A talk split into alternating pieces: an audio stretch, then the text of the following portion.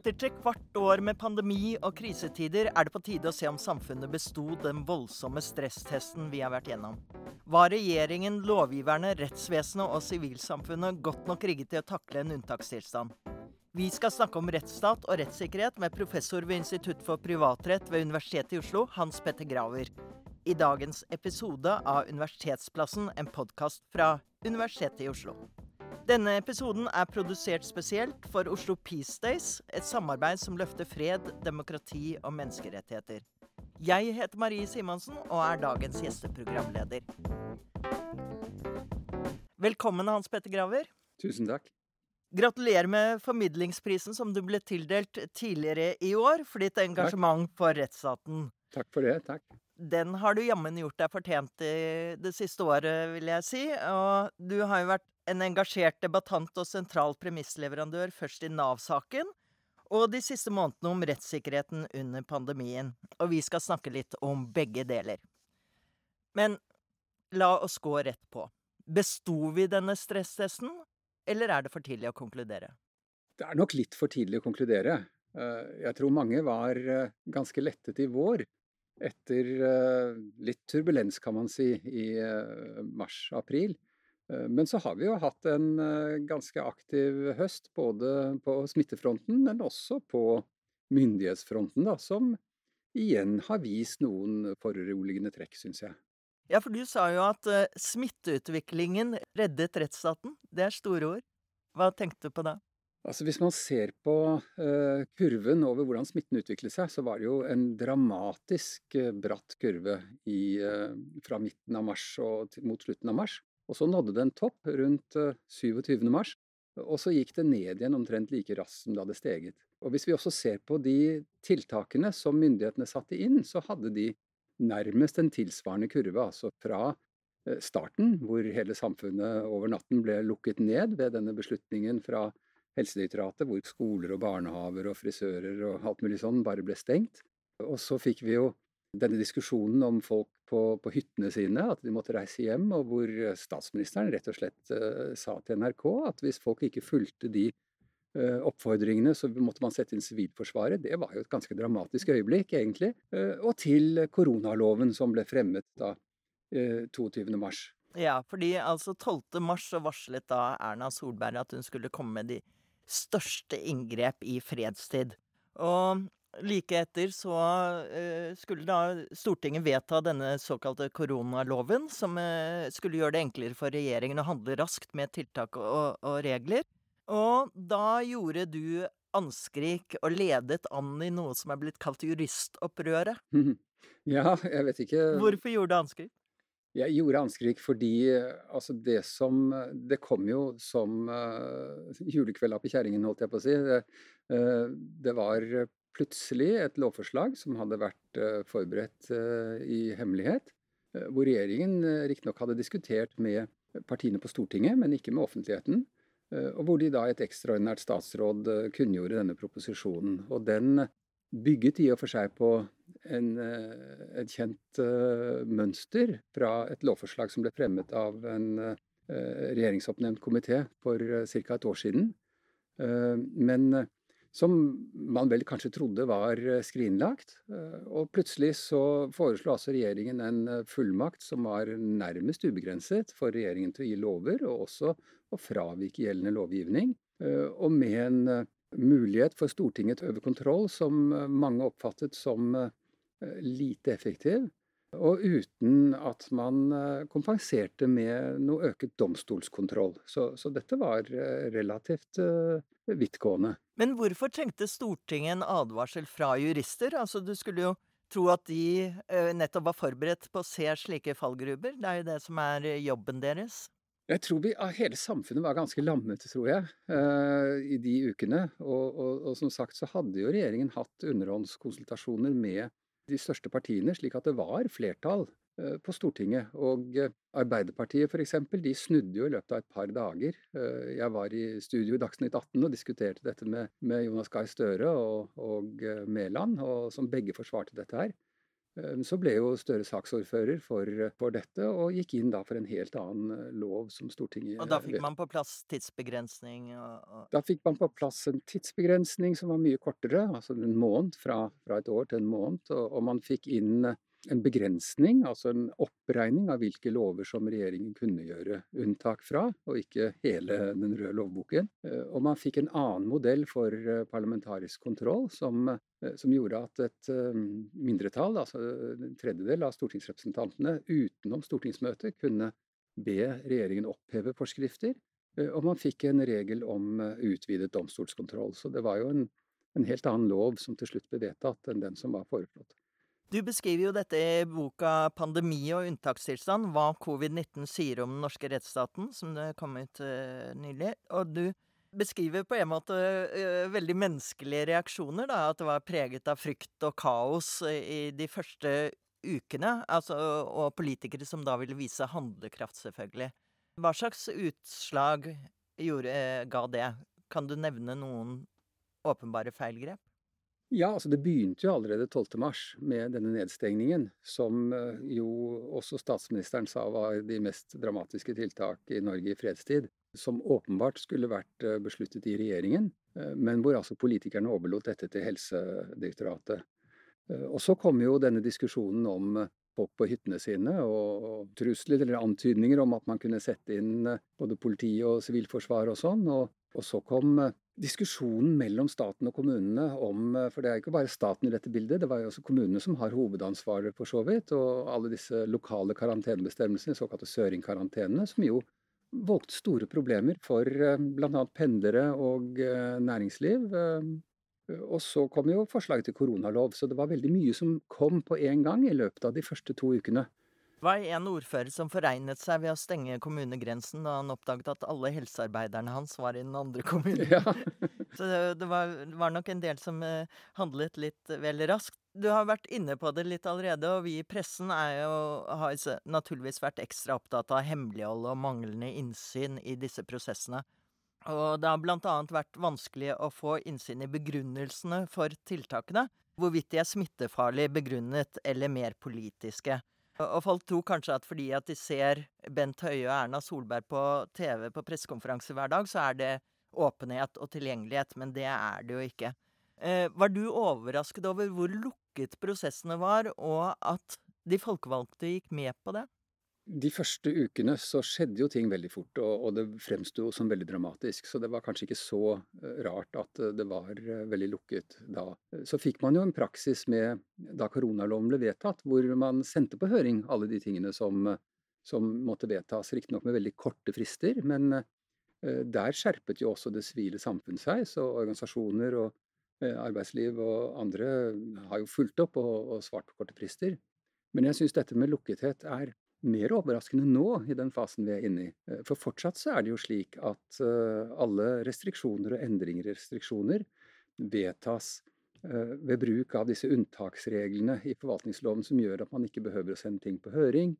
Man ikke behøver å ha noen skriftlig redegjørelse for alternativer og begrunnelse for hvorfor man velger det man velger og ikke noe annet osv. Og, og her kan man jo si at nå har jo regjeringen og, og, forvaltningen hatt veldig lang tid til å forberede seg. Fordi eh, alle visste jo, eller i hvert fall eh, de sa jo veldig tydelig fra fagmyndighetenes side allerede før sommeren at det ville komme en ny smittebølge, eller at vi risikerte en ny smittebølge. Og da er det jo, syns jeg, litt påfallende at man ikke i større grad har uh, arbeidet med å lage uh, en konkret plan. Man har en veldig overordnet plan, som for øvrig heller aldri har vært på høring.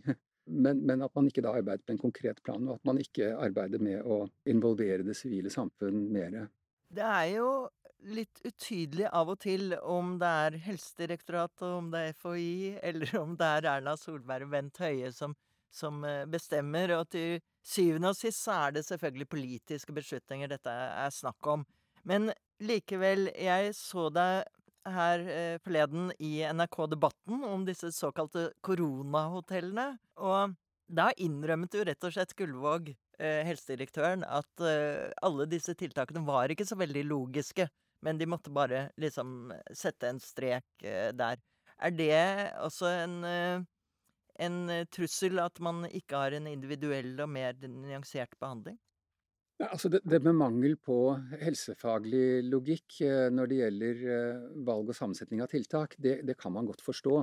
Fordi kunnskapsnivået er ikke så detaljert og presist når det gjelder Eh, hvordan de enkelte tiltakene virker, og, og, effekten av det ene tiltaket målt opp mot det andre. Eh, sånn at eh, det helsemyndighetene kan si, det er at vi trenger sosial distansering, og de kan si noe om hvordan smitten sannsynligvis utvikler seg med, med forskjellige typer av, eller nivåer av smittetrykk. Men valg av tiltak, altså om man skal stenge frisører, eller om man skal stenge helsestudioer, eller om man skal ha hjemmekontor, eller om man skal ha koronahotell, og alle disse tingene her sånn, Eh, det blir en politisk vurdering og rett og slett en prioritering mellom hvilke deler av samfunnet skal få lov å fungere mer eller mindre normalt, og hvilke skal stenges ned. Eh, og så er det jo også en politisk vurdering hvor stor risiko vi skal ta for en økning i smitten.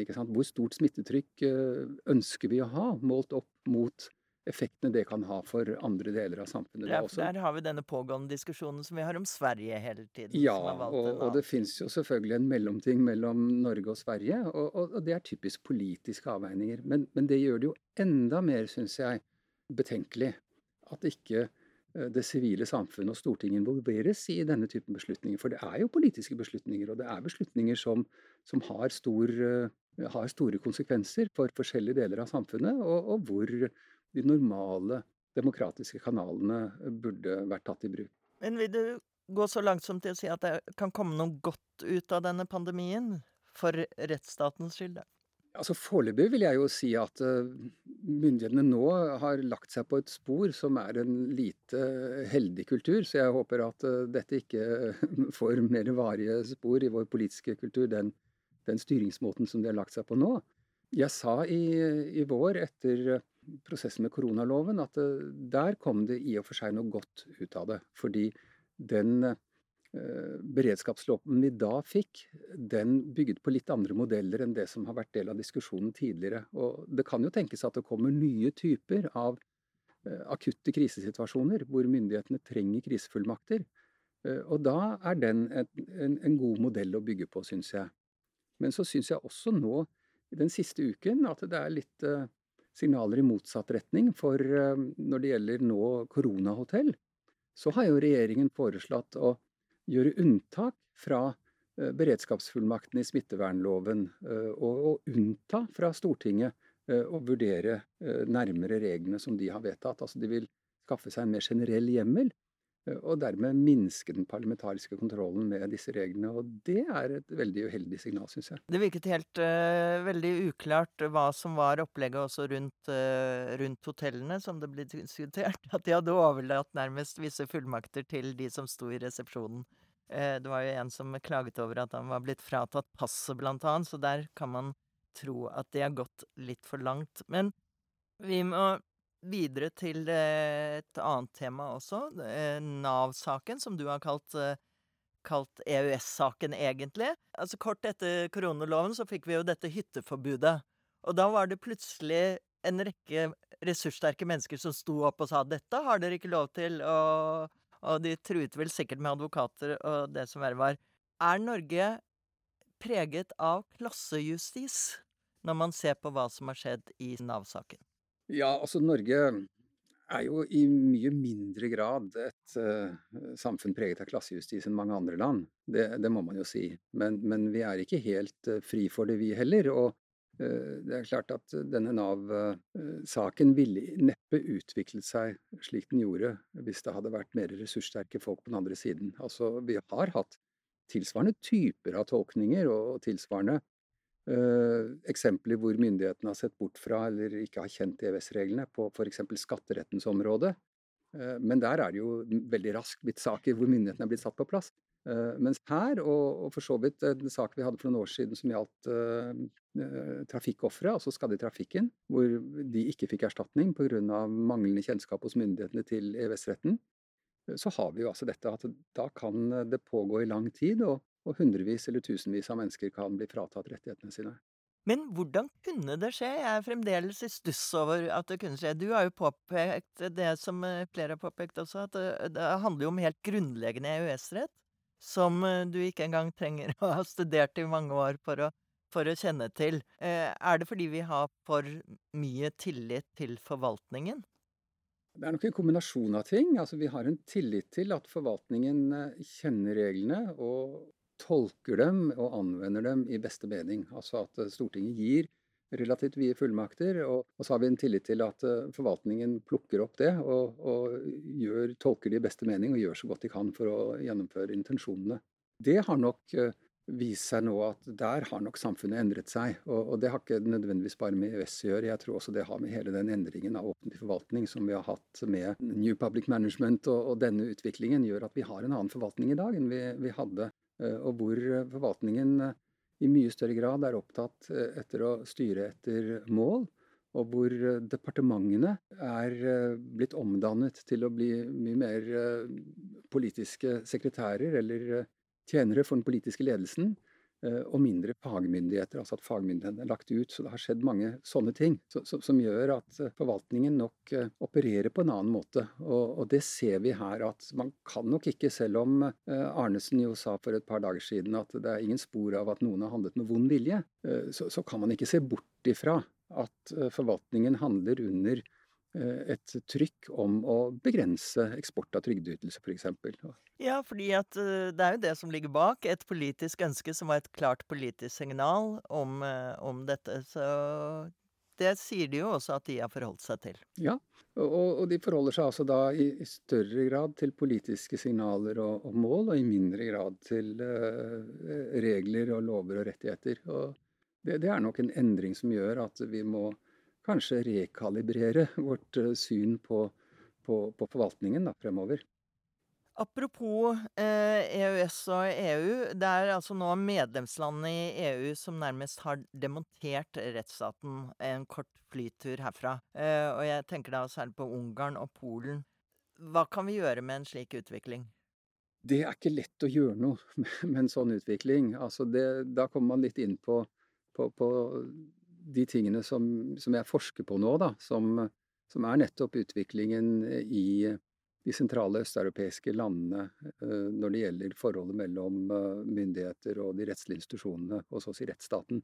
Nå ser jeg mer historisk på det, og den perioden som, som jeg holder på med sammen med kolleger, er fra annen verdenskrig og frem til de ble EU-medlemmer. Var det da det gikk galt?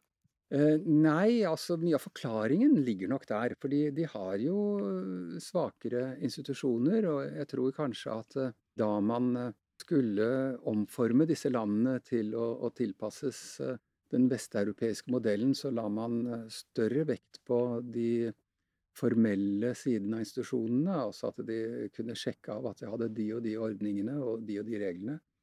Og mindre vekt på sånne mykere, vanskeligere ting som uh, kultur og mindset og, og, nettverk og sånn. Uh, og det gikk uh, galt på forskjellige måter i flere land. I Slovakia f.eks.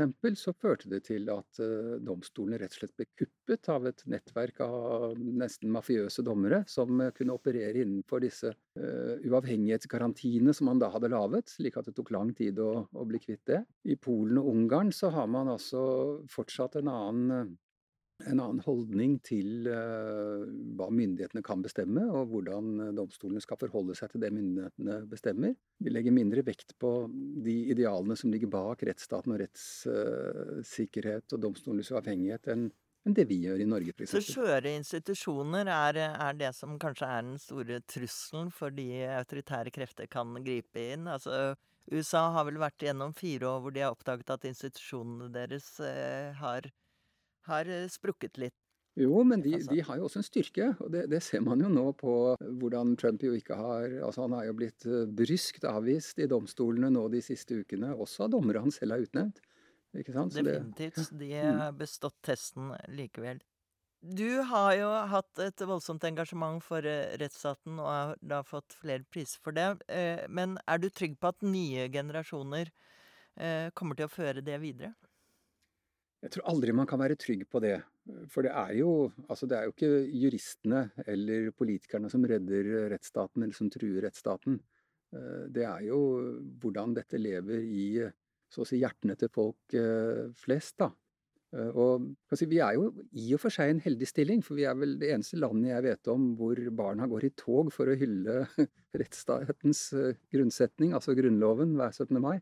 Eh, så det betyr kanskje noe, og, og som gir en grunn til optimisme. Men for å være litt mer seriøs, altså dette, dette har med, tror jeg, den politiske og, og, sosiale kultur i befolkningen å gjøre. Og, og den må jo holdes ved like. Og, og den kan være skjør. Det så vi jo i disse månedene, disse ukene i mars-april. ikke sant? Hvis folk er skremt, uh, så tenker de mye mer på sin egen sikkerhet, og, de er villige til å, å stole mer på myndighetene. Og, ja, ikke sant? Og du så jo folk ble veldig opphisset hvis noen våget å stille spørsmål. Da var det liksom ja, og, stille i. Og, og, ingen, jeg, jeg, registrerte ingen, heller ikke blant dine kolleger, holdt jeg på å si, i avisene, som som eh, skrev 'Hei da, hva er det dette for noe? Sivilforsvar mot eh, folk på hytta', ikke sant? Altså, jeg, jeg er alle... enig, vi var, eh, var, nok ganske lydige, vi også. det er, kanskje det er fordi vi ikke har hytter. Så det er vi. Men hvis vi skal oppsummere litt, hvordan skal vi konkludere her? Jeg tenker at uh, kanskje du skal få gjøre det. Hvis, uh, hvis du var sensor, hvilken karakter ville du gitt den norske rettsstaten? Akkurat nå så ville jeg nok uh, ikke gitt den bedre enn C, men Oi! men uh, vi får jo håpe da at den skjerper seg frem til eksamen. Takk for praten, Hans Petter Graver. Det var alt fra Universitetsplassen denne gangen. Følg med videre for nye episoder og spennende temaer, og hør gjerne også på min podkast Rett på.